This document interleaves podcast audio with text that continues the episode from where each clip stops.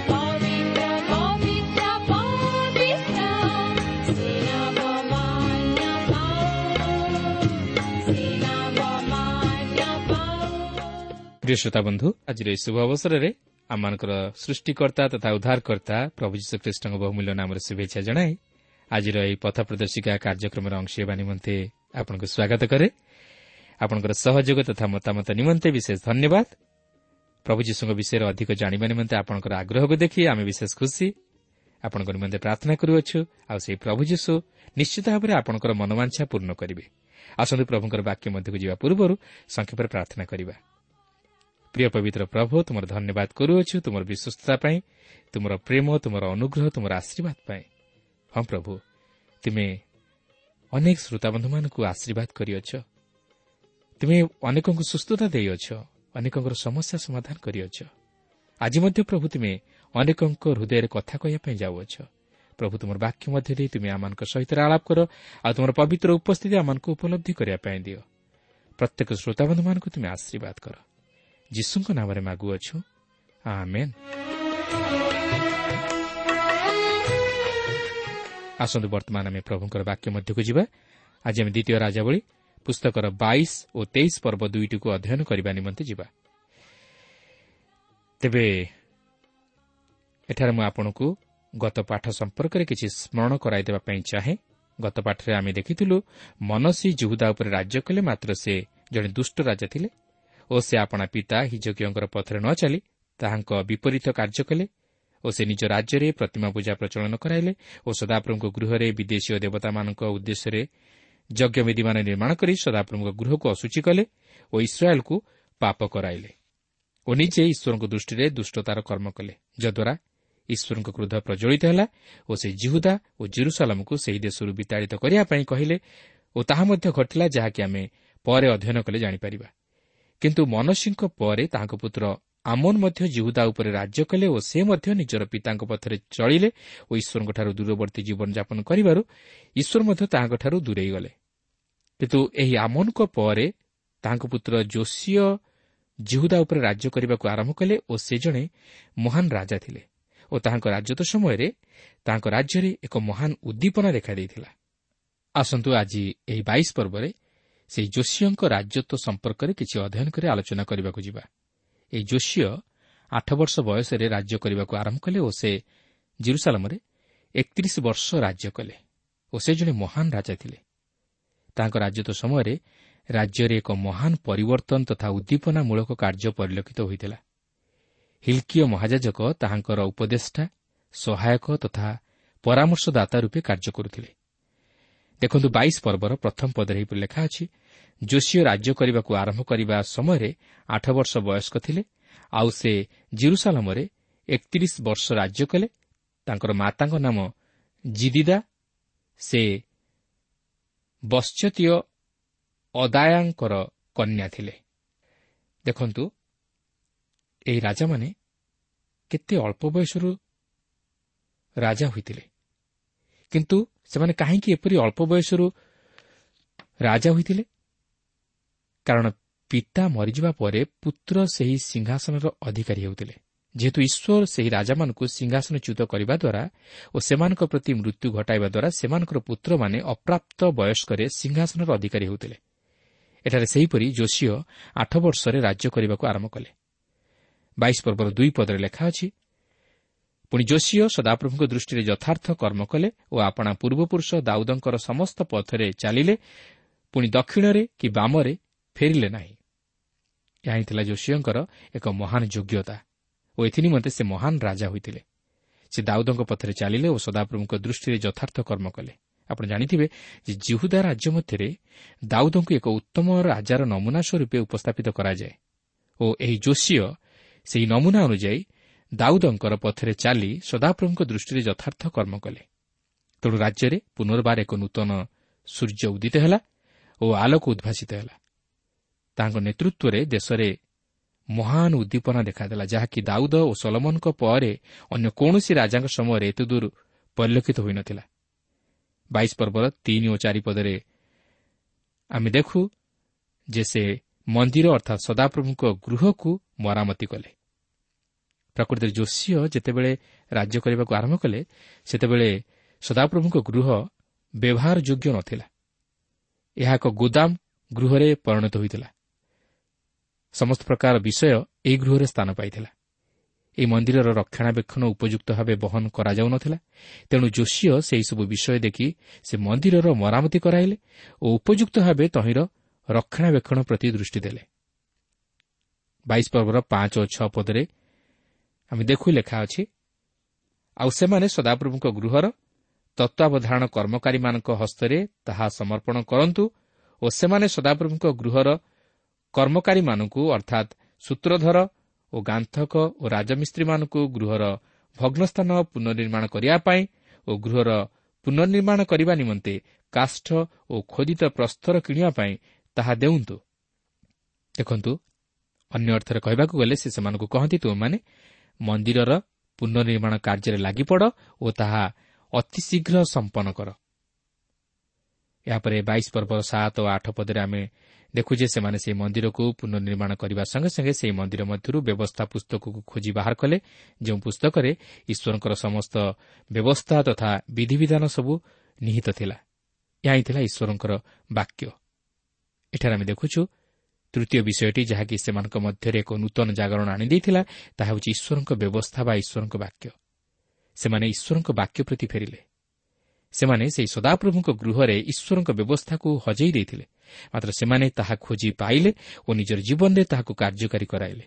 ପ୍ରିୟ ବନ୍ଧୁ ଈଶ୍ୱରଙ୍କ ବାକ୍ୟ ହିଁ କେବଳ ଆମମାନଙ୍କର ଏକମାତ୍ର ଅସ୍ତ୍ର ଯାହାକି ଜୀବନ୍ତ ଶକ୍ତିଯୁକ୍ତ ଓ କାର୍ଯ୍ୟସାଧକ ଓ ଦ୍ୱିଧାର ଖଡ଼ଗଠାରୁ ତୀକ୍ଷ୍ଣତର। ସେଥିପାଇଁ ଏବ୍ରି ଚାରିପର୍ବର ବାରପଦରେ ଲେଖା ଅଛି କାରଣ ଈଶ୍ୱରଙ୍କ ବାକ୍ୟ ଜୀବନ୍ତ ଓ କାର୍ଯ୍ୟସାଧକ ପୁଣି ଦ୍ୱିଧାର ଖଡ଼ଗଠାରୁ ତୀକ୍ଷ୍ଣତର ଆଉ ପ୍ରାଣ ଓ ଆତ୍ମା ଗ୍ରନ୍ଥି ଓ ମଜ୍ଜାର ବିଚ୍ଛେଦ ପର୍ଯ୍ୟନ୍ତ ପରିଭେଦକ ଏବଂ ହୃଦୟର ଚିନ୍ତା ଓ ଭାବର ସୂକ୍ଷ୍ମ ବିଚାରକ ଅଟେ। ପ୍ରିୟ ବନ୍ଧୁ ଈଶ୍ୱରଙ୍କ ବାକ୍ୟ ବ୍ୟତୀତ ଏପରି ଆଉ କୌଣସି ବିଷୟ ନାହିଁ ଯାହାକି ଆମମାନଙ୍କୁ ପିତା ଈଶ୍ୱରଙ୍କର ନିକଟବର୍ତ୍ତୀ କରାଇପାରେ ବା ଆମମାନଙ୍କୁ ପଥ ଦେଖାଇପାରେ ବା ଆମମାନଙ୍କ ଜୀବନରେ ଏକ ନୂତନ ଜାଗରଣ ଆଣିଦେଇପାରେ ଈଶ୍ୱର ତାହାଙ୍କର ଜୀବନ୍ତ ବାକ୍ୟ ମାଧ୍ୟମରେ ହିଁ ଆମମାନଙ୍କ ସହିତ କଥା କହିଥାନ୍ତି ସେ ଆମମାନଙ୍କୁ ଶକ୍ତି ଯୋଗାଇଥାନ୍ତି ଶାନ୍ତି ଓ ସାନ୍ତ୍ୱନା ଦେଇଥାନ୍ତି ଓ ଧୈର୍ଯ୍ୟ ମଧ୍ୟ ପ୍ରଦାନ କରିଥାନ୍ତି। କିନ୍ତୁ ଆଜି ଆମେ କେତେଦୂର ଈଶ୍ୱରଙ୍କ ବାକ୍ୟ ଉପରେ ଗୁରୁତ୍ୱ ଦେଉଅଛୁ? ଆଜି ଆମେ କେତେଦୂର ଈଶ୍ୱରଙ୍କ ବାକ୍ୟ ବିଷୟରେ ମନୋଯୋଗୀ ଅଟୁ? ଈଶ୍ୱରଙ୍କ ବାକ୍ୟ ଅଧ୍ୟୟନରେ କେତେଦୂର ମନୋଯୋଗୀ ଅଟୁ? ତେବେ ଦେଖନ୍ତୁ ଏହାପରେ ବାଇଶ ପର୍ବର ନଅ ପଦରୁ ଦଶ ପଦ ମଧ୍ୟରେ ଲେଖା ଅଛି ଯେ ଯୋଶୀୟ ରାଜା ପ୍ରଥମ ଥର ପାଇଁ ଈଶ୍ୱରଙ୍କ ବାକ୍ୟ ଶୁଣୁଅଛନ୍ତି। ଏହାପରେ ଏଗାର ପଦରେ ଆମେ ଦେଖୁ ଯେ ସେହି ଉଦ୍ଦୀପନା ବା ଜାଗରଣ ଆଣିବାରେ ଯୋଶୀଙ୍କର ଚତୁର୍ଥ ପଦକ୍ଷେପ ଥିଲା ମନ ପରିବର୍ତ୍ତନ। ଈଶ୍ୱରଙ୍କ ବାକ୍ୟ ଅଧ୍ୟୟନ ବାସ୍ତବ ମନ ପରିବର୍ତ୍ତନ ଆଣିଦେଇଥାଏ ଯୋଶୀୟ ରାଜା ଯେତେବେଳେ ସେହି ବାକ୍ୟ ଶୁଣିଲେ ସେତେବେଳେ ସେ ତାହାଙ୍କର ବସ୍ତ୍ର ଚିରିଲେ କାହିଁକି? ଯେହେତୁ ଈଶ୍ୱରଙ୍କ ବାକ୍ୟ ସେମାନଙ୍କର ଜୀବନର କଳୁଷିତ ତଥା ପାପପୂର୍ଣ୍ଣ ବିଷୟକୁ ଦେଖାଇଦେଲା। କିନ୍ତୁ ଈଶ୍ୱରଙ୍କ ବାକ୍ୟ ବିନା ସେ ପର୍ଯ୍ୟନ୍ତ ସେମାନେ ଜାଣିପାରିନଥିଲେ ଯେ ସେମାନେ ଈଶ୍ୱରଙ୍କ ବ୍ୟବସ୍ଥାରୁ କେତେଦୂର ଦୂରବର୍ତ୍ତୀ ଜୀବନଯାପନ କରୁଥିଲେ। କିନ୍ତୁ ଈଶ୍ୱରଙ୍କ ବାକ୍ୟ ଶୁଣିବା ଦ୍ୱାରା ସେମାନଙ୍କ ଜୀବନ ଉଦ୍ଦୀପିତ ହେଲା ଓ ସେମାନେ ନିଜର ଦୋଷ ଦୁର୍ବଳତା ସବୁକୁ ଜାଣି ତହିଁ ନିମନ୍ତେ ଅନୁତାପ କରି ମନ ପରିବର୍ତ୍ତନ କଲେ। ବାସ୍ତବରେ ଉଦ୍ଦୀପନା ଈଶ୍ୱରଙ୍କ ବାକ୍ୟ ମଧ୍ୟ ଦେଇ ଆସେ। ପ୍ରିୟ ବନ୍ଧୁ ଯେପର୍ଯ୍ୟନ୍ତ ଆମେ ଈଶ୍ୱରଙ୍କ ବାକ୍ୟ ପ୍ରତି କର୍ଣ୍ଣ ଦେଇନାହୁଁ ସେ ପର୍ଯ୍ୟନ୍ତ ଆମମାନଙ୍କ ଜୀବନରେ ପରିବର୍ତ୍ତନ ଆସିବ ନାହିଁ କି ଜାଗରଣ ପରିଲକ୍ଷିତ ହେବ ନାହିଁ। ତେଣୁ ଈଶ୍ୱରଙ୍କ ବାକ୍ୟ ଅଧ୍ୟୟନ ଓ ଶ୍ରବଣରେ ମନୋନିବେଶ କରିବା ନିତାନ୍ତ ଆବଶ୍ୟକ। ତାହା ନ ହେଲେ ଆମମାନଙ୍କ ଜୀବନରେ ମନ ପରିବର୍ତ୍ତନ ଦେଖାଯିବ ନାହିଁ କି ଆମେ ନିଜର ପାପପୂର୍ଣ୍ଣ ଜୀବନରୁ ଫେରିପାରିବା ନାହିଁ। ବାଇଶ ପର୍ବର ତେର ପଦରେ ଆମେ ଦେଖୁ ଯେ ଯୋଶୀୟ ରାଜା ଏଠାରେ ଅତ୍ୟନ୍ତ ଭୟଭୀତ ହୋଇଯାଇଛନ୍ତି କାରଣ ସେ ଜାଣିବାକୁ ପାରୁଛନ୍ତି ଯେ ତାହାଙ୍କର ଲୋକମାନେ ଈଶ୍ୱରଙ୍କର ବିଚାରର ସମ୍ମୁଖୀନ ହେବା ପାଇଁ ଯାଉଅଛନ୍ତି। କିନ୍ତୁ ଈଶ୍ୱର ହୁଲ୍ଦା ଭବିଷ୍ୟତ ବକ୍ତୃଙ୍କ ମାଧ୍ୟମରେ ଯୋଶୀଙ୍କ ପ୍ରତି ତାହାଙ୍କର ବିଚାର ଓ ଅନୁଗ୍ରହକୁ ପ୍ରକାଶ କରନ୍ତି। ବାଇଶ ପର୍ବର ଷୋହଳରୁ ସତର ପଦ ମଧ୍ୟରେ ଆମେ ଈଶ୍ୱରଙ୍କ ବିଚାର ବର୍ତ୍ତିବାର ଲକ୍ଷ୍ୟ କରୁଅଛୁ କାରଣ ସେମାନେ ଈଶ୍ୱରଙ୍କ ଇଚ୍ଛା ବିରୁଦ୍ଧ କାର୍ଯ୍ୟ କରି ତାହାଙ୍କଠାରୁ ଦୂରବର୍ତ୍ତୀ ଜୀବନଯାପନ କରି ଅନ୍ୟ ଦେବଗଣ ଉଦ୍ଦେଶ୍ୟରେ ଧୂପ ଜଳାଇ ଈଶ୍ୱରଙ୍କୁ ବିରକ୍ତ କରିଥିବାରୁ ଈଶ୍ୱର ସେମାନଙ୍କ ଉପରେ ବିଚାର ବର୍ତ୍ତାଇବାକୁ ଯାଉଅଛନ୍ତି। ପ୍ରିୟ ବନ୍ଧୁ ଯେତେବେଳେ ଆମେ ଈଶ୍ୱରଙ୍କ ବାକ୍ୟକୁ ହେୟ ଜ୍ଞାନ କରି ଓ ସେହି ବାକ୍ୟକୁ ଉପେକ୍ଷା କରି ସ୍ୱଇଚ୍ଛାରେ କାର୍ଯ୍ୟ କରୁ ସେତେବେଳେ ଆମେ ବିପଥରେ ଯାଉ ଓ ପାପରେ ପତିତ ହେଉ ଯଦ୍ୱାରା ଆମେ ତହିଁର ପ୍ରତିଫଳ ମଧ୍ୟ ଭୋଗ କରୁ। ତେଣୁ ଆସୁ ଈଶ୍ୱରଙ୍କ ବାକ୍ୟରେ ମନୋଯୋଗୀ ହୋଇ ଓ ସେହି ବାକ୍ୟ ଅନୁଯାୟୀ ଜୀବନଯାପନ କରି ବିନାଶର ପଥରୁ ନିଜର ଜୀବନକୁ ରକ୍ଷା କରୁ। ବର୍ତ୍ତମାନ ଲକ୍ଷ୍ୟ କରନ୍ତୁ ଯୋଶୀଙ୍କ ପ୍ରତି ଈଶ୍ୱରଙ୍କର ଅନୁଗ୍ରହ କିପରି ବର୍ତ୍ତିବା ପାଇଁ ଯାଉଅଛି। ବାଇଶ ପର୍ବର ଅଠରରୁ କୋଡ଼ିଏ ପଦ ମଧ୍ୟରେ ଆମେ ଲକ୍ଷ୍ୟ କରୁ ଯେ ଯୋଶୀୟ ରାଜାଙ୍କ ପ୍ରତି ଈଶ୍ୱରଙ୍କର ଅନୁଗ୍ରହଜନକ ବାକ୍ୟ। କାରଣ ସେହି ସେହି ବାକ୍ୟ ଶୁଣି ଓ ଈଶ୍ୱରଙ୍କର ସେହି ଭୟଙ୍କର ବିଚାରକୁ ଜ୍ଞାତ ହୋଇ ନିଜକୁ ନମ୍ର କଲେ ଓ ନିଜର ଦୁର୍ବଳତା ସବୁକୁ ସ୍ମରଣ କରି ତହିଁ ନିମନ୍ତେ ଅନୁତାପ କଲେ ଓ ଈଶ୍ୱରଙ୍କର ନିକଟବର୍ତ୍ତୀ ହେଲେ। ତେଣୁକରି ସେ ସେହି ବିଚାରର ସମ୍ମୁଖୀନ ହେଲେ ନାହିଁ ମାତ୍ର ତହିଁରୁ ରକ୍ଷା ପାଇଲେ। ପ୍ରିୟ ବନ୍ଧୁ ଯେପର୍ଯ୍ୟନ୍ତ ଆମମାନଙ୍କ ଜୀବନରେ ବାସ୍ତବ ଅନୁତାପ ଆସି ନାହିଁ ସେ ପର୍ଯ୍ୟନ୍ତ ଆମେ ଈଶ୍ୱରଙ୍କର ନିକଟବର୍ତ୍ତୀ ହୋଇପାରିବା ନାହିଁ କି ତାହାଙ୍କ ଅନୁଗ୍ରହର ଅଧିକାରୀ ହୋଇପାରିବା ନାହିଁ। ଈଶ୍ୱର ଆଜି ମଧ୍ୟ ଖ୍ରୀଷ୍ଟଙ୍କ ମାଧ୍ୟମରେ ସେହି ଅନୁଗ୍ରହ ସମଗ୍ର ମାନବଜାତି ପ୍ରତି ପ୍ରକାଶ କରିଅଛନ୍ତି। ଯଦି ଆମେ ଈଶ୍ୱରଙ୍କ ବାକ୍ୟ ବିଷୟରେ ଜାଣି ଓ ଖ୍ରୀଷ୍ଟଙ୍କ ବିଷୟରେ ଶୁଣି ନିଜର ପାପ ନିମନ୍ତେ ଅନୁତାପ ନ କରୁ ବା ତହିଁରୁ ନ ଫେରୁ ତାହେଲେ ଆମେ କିପରି ରକ୍ଷା ପାଇପାରିବା? ତେଣୁ ଆମମାନଙ୍କୁ ସେହି ଖ୍ରୀଷ୍ଟଙ୍କର ନିକଟବର୍ତ୍ତୀ ହେବାକୁ ହେବ ଓ ତାହାଙ୍କୁ ଆମ ଜୀବନରେ ଉଦ୍ଧାରକର୍ତ୍ତା ରୂପେ ଗ୍ରହଣ କରିବାକୁ ହେବ। ତେବେ ଯାଇ ଆମେ ଈଶ୍ୱରଙ୍କ ଅନୁଗ୍ରହର ଅଧିକାରୀ ହୋଇପାରିବା। ଆଉ ସେହି ଅନୁଗ୍ରହ ହେଉଛି ଆମମାନଙ୍କର ପରିତ୍ରାଣ। ପାପରୁ ଉଦ୍ଧାର ପାଇ ମୁକ୍ତିଲାଭ କରି ସେହି ଅନନ୍ତ ଜୀବନର ଅଧିକାରୀ ହେବା। ତେବେ ବର୍ତ୍ତମାନ ଆମେ ଦ୍ୱିତୀୟ ରାଜାବଳୀ ତେଇଶ ପର୍ବ ମଧ୍ୟକୁ ଯିବା। ଏହି ତେଇଶ ପର୍ବରେ ଯୋଶୀଙ୍କର କେତେକ ପୂର୍ଣ୍ଣ ସଂସ୍କରଣ ତଥା ଉନ୍ନତିମୂଳକ କାର୍ଯ୍ୟ ସବୁକୁ ଲକ୍ଷ୍ୟ କରିବାକୁ ଯିବା। ଦେଖନ୍ତୁ ତେଇଶ ପର୍ବର ପ୍ରଥମ ତିନି ପଦରେ ଏହିପରି ଲେଖା ଅଛି ଅନନ୍ତର ରାଜା ଲୋକ ପଠାନ୍ତେ ସେମାନେ ଜିହୁଦାର ଓ ଜିରୁସାଲାମର ସମସ୍ତ ପ୍ରାଚୀନ ବର୍ଗଙ୍କୁ ତାଙ୍କ ନିକଟରେ ଏକତ୍ର କଲେ। ପୁଣି ରାଜା ସଦାପ୍ରଭୁଙ୍କ ଗୃହକୁ ଗମନ କଲେ ଆଉ ତାଙ୍କ ସଙ୍ଗେ ଜିହୁଦାର ସମସ୍ତ ମନୁଷ୍ୟ ଓ ଜିରୁସାଲାମ ନିବାସୀ ସମସ୍ତେ ଓ ଯାଜକମାନେ ଓ ଭବିଷ୍ୟତ ବକ୍ତାମାନେ ଓ ସାନ ବଡ଼ ସମସ୍ତ ଲୋକ ଗମନ କଲେ। ତେଣୁ ସେ ସଦାପ୍ରଭୁଙ୍କ ଗୃହରେ ପ୍ରାପ୍ତ ନିୟମ ପୁସ୍ତକର ସମସ୍ତ ବାକ୍ୟ ସେମାନଙ୍କ କର୍ଣ୍ଣଗୋଚରରେ ପାଠ କଲେ। ଏଥିରେ ରାଜା ସ୍ତମ୍ଭ ନିକଟରେ ଠିଆ ହୋଇ ସଦାପ୍ରଭୁଙ୍କର ଅନୁଗାମୀ ହେବାକୁ ଓ ଆପଣାର ସମସ୍ତ ଅନ୍ତଃକରଣ ଓ ସମସ୍ତ ପ୍ରାଣ ସହିତ ତାହାଙ୍କ ଆଜ୍ଞା ଓ ସାକ୍ଷ୍ୟ କଥା ଓ ବିଧି ପାଳନ କରି ଏହି ପୁସ୍ତକ ଲିଖିତ ନିୟମ ବାକ୍ୟ ସଫଳ କରିବା ପାଇଁ ସଦାପ୍ରଭୁଙ୍କ ସମ୍ମୁଖରେ ନିୟମ କଲେ ଆଉ ସମୁଦାୟ ଲୋକ ସେହି ନିୟମରେ ସମ୍ମତ ହେଲେ। ବର୍ତ୍ତମାନ ଯୋଶୀୟ ନିଜେ ନିଜକୁ ଈଶ୍ୱରଙ୍କ ନିମନ୍ତେ ପ୍ରସ୍ତୁତ କରାଇବା ସଙ୍ଗେ ସଙ୍ଗେ ଅନ୍ୟମାନଙ୍କୁ ମଧ୍ୟ ଈଶ୍ୱରଙ୍କର ନିକଟବର୍ତ୍ତୀ କରାଇ ସେମାନଙ୍କୁ ଈଶ୍ୱରଙ୍କ ଉଦ୍ଦେଶ୍ୟରେ ପ୍ରସ୍ତୁତ କରାଉଛନ୍ତି। ଲୋକମାନେ ମଧ୍ୟ ତାହାଙ୍କର ନିୟମ ଅନୁଯାୟୀ କେବଳ ଈଶ୍ୱରଙ୍କ ବାକ୍ୟ ଅଧ୍ୟୟନ କରିବାରେ ନୁହେଁ ମାତ୍ର ସେହି ବାକ୍ୟ ଅନୁଯାୟୀ ଚାଲିବା ନିମନ୍ତେ ଓ ତହିଁର ବିଧିବିଧାନ ପାଳନ କରିବା ନିମନ୍ତେ ନିଜ ନିଜର ସମ୍ମତି ପ୍ରକାଶ କରୁଅଛନ୍ତି। ଆଜି ମଧ୍ୟ ଆମେ ନିଜର ମଣ୍ଡଳୀମାନଙ୍କ ମଧ୍ୟରେ ସେହିପରି ଉଦ୍ଦୀପନାମୂଳକ ଜାଗରଣ ଦେଖିବାକୁ ପାରିବା କିନ୍ତୁ ଯଦି ଏହା ଈଶ୍ୱରଙ୍କ ବାକ୍ୟ ମଧ୍ୟ ଦେଇ ସାଧିତ ହୋଇଥାଏ କାରଣ ଯେତେବେଳେ ଈଶ୍ୱରଙ୍କ ବାକ୍ୟ ଆମମାନଙ୍କ ହୃଦୟରେ କାର୍ଯ୍ୟ ସାଧନ କରେ ସେତେବେଳେ ଆମମାନଙ୍କ ଜୀବନରେ ବାସ୍ତବ ଅନୁତାପ ଆସିଥାଏ ଓ ସେହି ଅନୁତାପ ଆମମାନଙ୍କୁ ମନ ପରିବର୍ତ୍ତନ କରିବାରେ ବିଶେଷ ସହାୟକ ହୋଇଥାଏ ଓ ଆମମାନଙ୍କର ଆତ୍ମିକ ଜୀବନରେ ଏକ ନୂତନ ଜାଗରଣ ପରିଲକ୍ଷିତ ହୁଏ।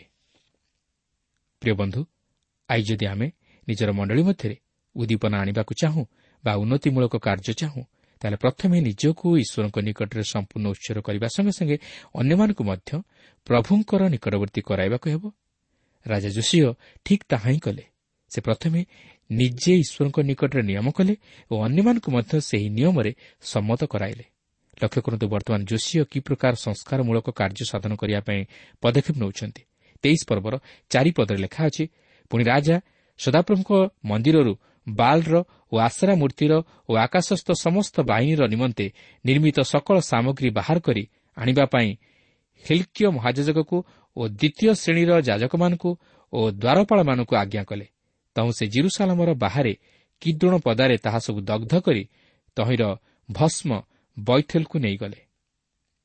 ଦେଖନ୍ତୁ ପ୍ରଥମେ ସେ ସଦାପ୍ରଭୁଙ୍କ ଗୃହ ମଧ୍ୟରୁ ପ୍ରତିମା ପୂଜାକୁ ଓ ବିଦେଶୀୟ ଦେବତାମାନଙ୍କୁ ଦୂର କରିଦେଉଛନ୍ତି। ସେ ସେହିସବୁ ଦେବାଦେବୀମାନଙ୍କୁ ଜିରୁସାଲାମର ବାହାରେ ସେହି କିଦ୍ରୋଣ ପଦାରେ ଦଗ୍ଧ କରି ସେହି ସମସ୍ତ ଭସ୍ମକୁ ନଗରର ବାହାରକୁ ନେଇଯାଉଛନ୍ତି। ଯେପରି ଲୋକମାନେ ସେହି ସମସ୍ତ ଭସ୍ମକୁ ଦେଖି ନ ପାରନ୍ତି ଏହାପରେ ଯୋଶୀୟ ସମସ୍ତ ପ୍ରକାର ଅନୀତିକର କାର୍ଯ୍ୟକୁ ମଧ୍ୟ ଦୂର କରିଦେଉଛନ୍ତି ଯାହାକି ତେଇଶ ପର୍ବର ସାତ ପଦରେ ଲେଖା ଅଛି।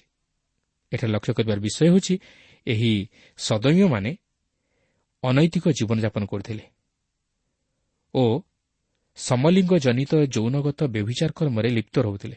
ତେଣୁ ଯୋଶୀୟ ଅତି ସାହସର ସହିତ ସେହି ସଦୈମ୍ୟମାନଙ୍କର କାର୍ଯ୍ୟକଳାପକୁ ଘୋର ନିନ୍ଦା କରିବା ସହିତ ସେମାନଙ୍କୁ ସେହି ରାଜ୍ୟରୁ ମଧ୍ୟ ବିତାଡ଼ିତ କଲେ। କାରଣ ଈଶ୍ୱର ଏହି ପ୍ରକାର ଅପ୍ରାକୃତିକ ଯୌନଗତ ସମ୍ପର୍କକୁ ଘୃଣା କରନ୍ତି ଓ ଏହାର ବିରୋଧ କରନ୍ତି। କାରଣ ରୋମିଓ ପ୍ରଥମ ପର୍ବର ଛବିଶ ଓ ସତେଇଶ ପଦରେ ଲେଖା ଅଛି ଏହି କାରଣରୁ ଈଶ୍ୱର ସେମାନଙ୍କୁ ଜଘନ୍ୟ ପାପ ପ୍ରବୃତ୍ତିରେ ସମର୍ପଣ କଲେ କାରଣ ସେମାନଙ୍କ ସ୍ତ୍ରୀମାନେ ସ୍ୱାଭାବିକ ବ୍ୟବହାର ପରିବର୍ତ୍ତେ ଅସ୍ୱାଭାବିକ ବ୍ୟବହାର କଲେ। ପୁଣି ସେହିପରି ପୁରୁଷମାନେ ମଧ୍ୟ ସ୍ୱାଭାବିକ ସ୍ତ୍ରୀ ସଙ୍ଗ ପରିତ୍ୟାଗ କରି ପରସ୍ପର ଆପଣା ଆପଣା କାମାନଳରେ ଦଗ୍ଧ ହେଲେ। ପୁରୁଷ ସହିତ ପୁରୁଷ କୁଶ୍ଚିତ କର୍ମ କଲେ। ପୁଣି ଆପଣା ଆପଣାଠାରେ ସ୍ୱ ସ୍ୱ ଭ୍ରଷ୍ଟତାର ସମୁଚିତ ପ୍ରତିଫଳ ପାଇଲେ। ଦେଖନ୍ତୁ ଏହି ପ୍ରକାର ଭ୍ରଷ୍ଟତା ଲାଗି ଈଶ୍ୱର ମଧ୍ୟ ସେମାନଙ୍କୁ ପରିତ୍ୟାଗ କଲେ। ଆଜି ଯଦି ଲୋକମାନେ ଏହିପରି ଅସ୍ୱାଭାବିକ ବ୍ୟବହାର କରନ୍ତି ତାହେଲେ ଈଶ୍ୱର ମଧ୍ୟ ସେମାନଙ୍କୁ ପରିତ୍ୟାଗ କରିବେ। ପ୍ରିୟ ବନ୍ଧୁ ଯଦି ଈଶ୍ୱର ଆମମାନଙ୍କର ସପକ୍ଷ ନ ହୁଅନ୍ତି ତାହେଲେ ଆମମାନଙ୍କର ସପକ୍ଷ ହେବ କିଏ? କିଏ ଆମମାନଙ୍କୁ ରକ୍ଷା କରିବ? ତେଣୁକରି ଯୋଶୀୟ ସେହି ସଦମ୍ୟମାନଙ୍କୁ ତାହାଙ୍କ ଦେଶରୁ ବିତାଡ଼ିତ କରିଦେଇଥିଲେ ଯେପରି ସେମାନଙ୍କ ଲାଗି ଦେଶ ଅସୁଚି ନ ହୁଏ କିମ୍ବା ଈଶ୍ୱରଙ୍କର ବିଚାରର ସମ୍ମୁଖୀନ ନ ହୁଏ। କେବଳ ସେତିକି ନୁହେଁ ସେ ମଧ୍ୟ ଦେଶ ମଧ୍ୟରୁ ନରବଳି ପ୍ରଥା ଉଠାଇଦେଲେ ଯାହାକି ମୋଲୋକ ଦେବତା ଉଦ୍ଦେଶ୍ୟରେ ସେମାନଙ୍କର ସନ୍ତାନମାନଙ୍କୁ ଉଚ୍ଚର କରୁଥିଲେ। ତେଇଶ ପର୍ବର ଦଶ ପଦରେ ଆମେ ଲକ୍ଷ୍ୟ କରିବାକୁ ପାରୁ। ଏହାର ଅର୍ଥ ତାହାଙ୍କ ପୂର୍ବରୁ ଯେଉଁ ରାଜାମାନେ ସେହି ରାଜ୍ୟ ମଧ୍ୟକୁ ବିଦେଶୀୟ ଦେବତାମାନଙ୍କୁ ଆଣି ପ୍ରତିଷ୍ଠା କରିଥିଲେ ସେହି ସମସ୍ତ ବିଦେଶୀୟ ଦେବତାଗୁଡ଼ିକର ପ୍ରତିମୂର୍ତ୍ତିଗୁଡ଼ିକ ବେଦୀଗୁଡ଼ିକ ଓ ଉଚ୍ଚସ୍ଥଳୀମାନ ସେ ଭାଙ୍ଗି ପକାଇଲେ। ଏପରିକି ସେ ଜିହୁଦାର ସୀମାରେଖାର ବାହାରେ ଥିବା ସେହି ସମସ୍ତ ପ୍ରତିମୂର୍ତ୍ତିଗୁଡ଼ିକୁ ଭାଙ୍ଗି ପକାଇଲେ। ଦ୍ୱିତୀୟ ବଂଶାବଳୀ ଚୌତିରିଶ ପର୍ବର ତେତିଶ ପଦରେ ଲେଖା ଅଛି ପୁଣି ଯୋଶ୍ୟ ଇସ୍ରାଏଲ୍ ସନ୍ତାନଗଣର ଅଧିକୃତ ସମସ୍ତ ଦେଶରୁ ଘୃଣାଯୋଗ୍ୟ ସକଳ ବିଷୟ ଦୂର କଲେ ଓ ଇସ୍ରାଏଲ୍ ମଧ୍ୟରେ ବିଦ୍ୟମାନ ସମସ୍ତ ଲୋକଙ୍କୁ ସେବା ଅର୍ଥାତ୍ ସଦାପ୍ରଭୁ ସେମାନଙ୍କ ପରମେଶ୍ୱରଙ୍କ ସେବା କରାଇଲେ। ସେମାନେ ତାହାର ଜୀବନ ଯାଏଁ ସଦାପ୍ରଭୁ ସେମାନଙ୍କ ପିତୃଗଣର ପରମେଶ୍ୱରଙ୍କ ଅନୁଗମନରୁ କ୍ଷାନ୍ତ ନୋହିଲେ। ଏଠାରେ କିନ୍ତୁ ଏକ କୌତୁହଳର ବିଷୟ ଆପଣ ଲକ୍ଷ୍ୟ କରିବେ ଯେ ପ୍ରଥମ ରାଜାବଳୀ ତେର ପର୍ବର ଦୁଇ ପଦରେ ଯେଉଁ ଭବିଷ୍ୟତ ବକ୍ତା ଭାବାଣୀ ଆକାରରେ ଏହି ବିଷୟ ଏହିପରି ଭାବେ ଘଟିବ ବୋଲି ପୂର୍ବରୁ ପ୍ରକାଶ କରିଥିଲେ ଯୋଶୀୟ ରାଜା ବୈଥେଲ ପର୍ଯ୍ୟନ୍ତ ଯାଇ ସେହି ଭାବାଦୀଙ୍କ କବର ନିକଟରେ ଉପସ୍ଥିତ ହୋଇଥିଲେ ଏହାପରେ ସେ ନିସ୍ତାର ପର୍ବ ପାଳନ ପୁନର୍ବାର ପ୍ରଚଳିତ କରାଇଲେ ଯାହାକି ଆମେ ତେଇଶ ପର୍ବର ଏକୋଇଶ ପଦରୁ ତେଇଶ ପଦ ମଧ୍ୟରେ ଲକ୍ଷ୍ୟ କରିବାକୁ ପାରୁ ଏହି ନିସ୍ତାର ପର୍ବ ଇସ୍ରାଏଲ୍ ସନ୍ତାନଗଣକୁ ପ୍ରତିବର୍ଷ ପାଳନ କରିବାକୁ ଥିଲା କିନ୍ତୁ ସେମାନେ ଦୀର୍ଘ ଦିନ ଧରି ପାଳନ କରିନଥିଲେ ସେମାନେ ବିଚାରକର୍ତ୍ତୃଗଣଙ୍କ ସମୟଠାରୁ ରାଜାମାନଙ୍କର ସମୟ ପର୍ଯ୍ୟନ୍ତ ସେହି ପର୍ବ ପାଳନ କରିପାରିନଥିଲେ କିନ୍ତୁ ଜିହୁଦାର ରାଜା ଯୋଶୀଙ୍କ ସମୟରେ ଏହା ପୁନର୍ବାର ପାଳନ କରାଗଲା। ତେବେ ଏହି ନିସ୍ତାର ପର୍ବର ତାତ୍ପର୍ଯ୍ୟ କ'ଣ? ଏହି ନିସ୍ତାର ପର୍ବ ଖ୍ରୀଷ୍ଟଙ୍କୁ ପ୍ରକାଶ କରେ। ଲୋକମାନେ ତାହାଙ୍କ ବିଷୟରେ ଭୁଲି ଯାଇଥିଲେ। ପ୍ରେରିତ ପାଉଲ ପ୍ରଥମ କରିଥିବା ପାଞ୍ଚ ପର୍ବର ସାତ ପଦରେ ଏହିପରି ପ୍ରକାଶ କରନ୍ତି କାରଣ ଆମମାନଙ୍କର ନିସ୍ତାର ପର୍ବର ମେଷଶାବକ ଅର୍ଥାତ୍ ଖ୍ରୀଷ୍ଟ ମଧ୍ୟ ବଳୀକୃତ ହୋଇଅଛନ୍ତି। ପ୍ରିୟ ବନ୍ଧୁ ଆଜି ମଧ୍ୟ ଅନେକ ଏହିପରି ଖ୍ରୀଷ୍ଟଙ୍କୁ ଭୁଲି ଯାଇଛନ୍ତି। ସେମାନେ ଖ୍ରୀଷ୍ଟଙ୍କୁ ସ୍ମରଣ କରନ୍ତି ନାହିଁ ଓ ଖ୍ରୀଷ୍ଟବିହୀନ ଜୀବନଯାପନ କରନ୍ତି। ସେମାନେ ନିଜର ଆତ୍ମିକ ଜୀବନର ସୁପ୍ତତାକୁ ଓ ଶିଥିଳତାକୁ ଦେଖନ୍ତି ନାହିଁ। ସେମାନେ ଖ୍ରୀଷ୍ଟଙ୍କ ବିହୁନେ ଆତ୍ମିକ ଜୀବନରେ ଉଦ୍ଦୀପିତ ହେବାକୁ ଚାହାନ୍ତି ଓ ବର୍ଦ୍ଧିଷ୍ଣୁ ହେବାକୁ ଚାହାନ୍ତି। କିନ୍ତୁ ତାହା ସମ୍ଭବ ନୁହେଁ।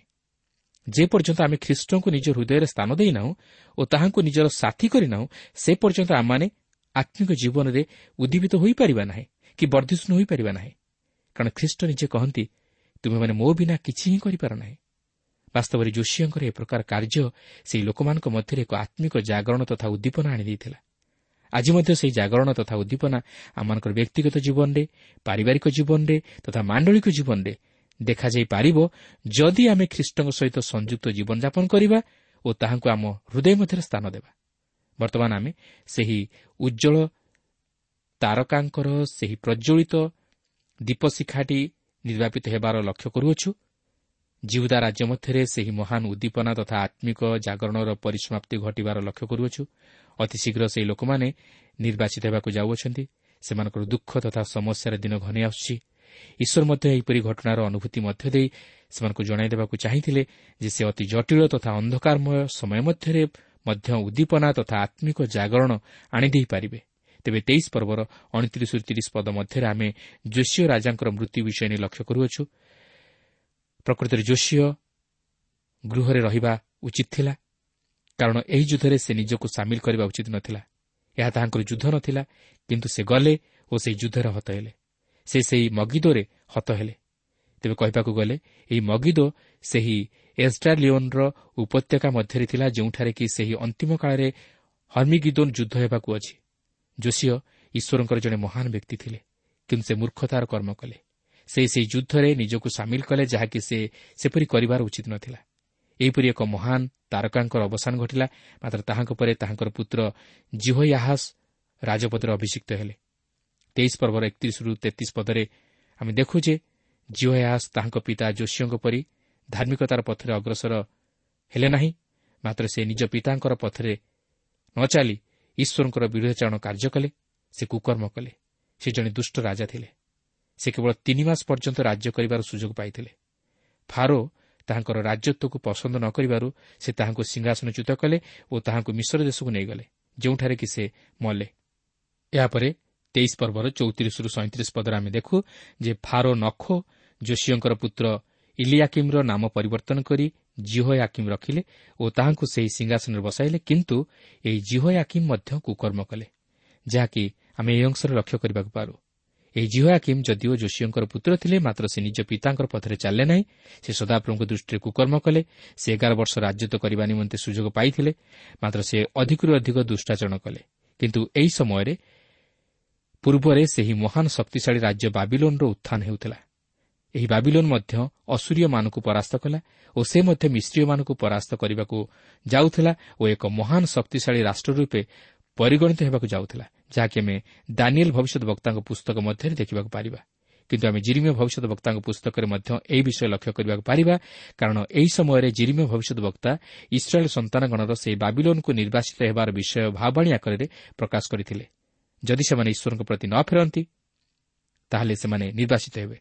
କିନ୍ତୁ ଯାହା ଜଣାଯାଏ ସେହି ସମୟରେ ବାବିଲର ରାଜା ନବୁଖଦ ନିଶ୍ଚୟ ସେତେଦୂର ଶକ୍ତିଶାଳୀ ନଥିଲେ ତେଣୁକରି ଲୋକମାନେ ଜିରିମିୟଙ୍କ ଭାବବାଣୀ ଉପରେ ବିଶ୍ୱାସ କରିନଥିଲେ। କାରଣ ଅନେକ ମିଥ୍ୟା ଭବିଷ୍ୟତ ବକ୍ତାମାନେ ମିଥ୍ୟା ପ୍ରଚାର କରି କହୁଥିଲେ ଯେ ଈଶ୍ୱର ଇସ୍ରାଏଲ୍ ଲୋକମାନଙ୍କୁ ଛାଡ଼ି ରହିପାରିବେ ନାହିଁ।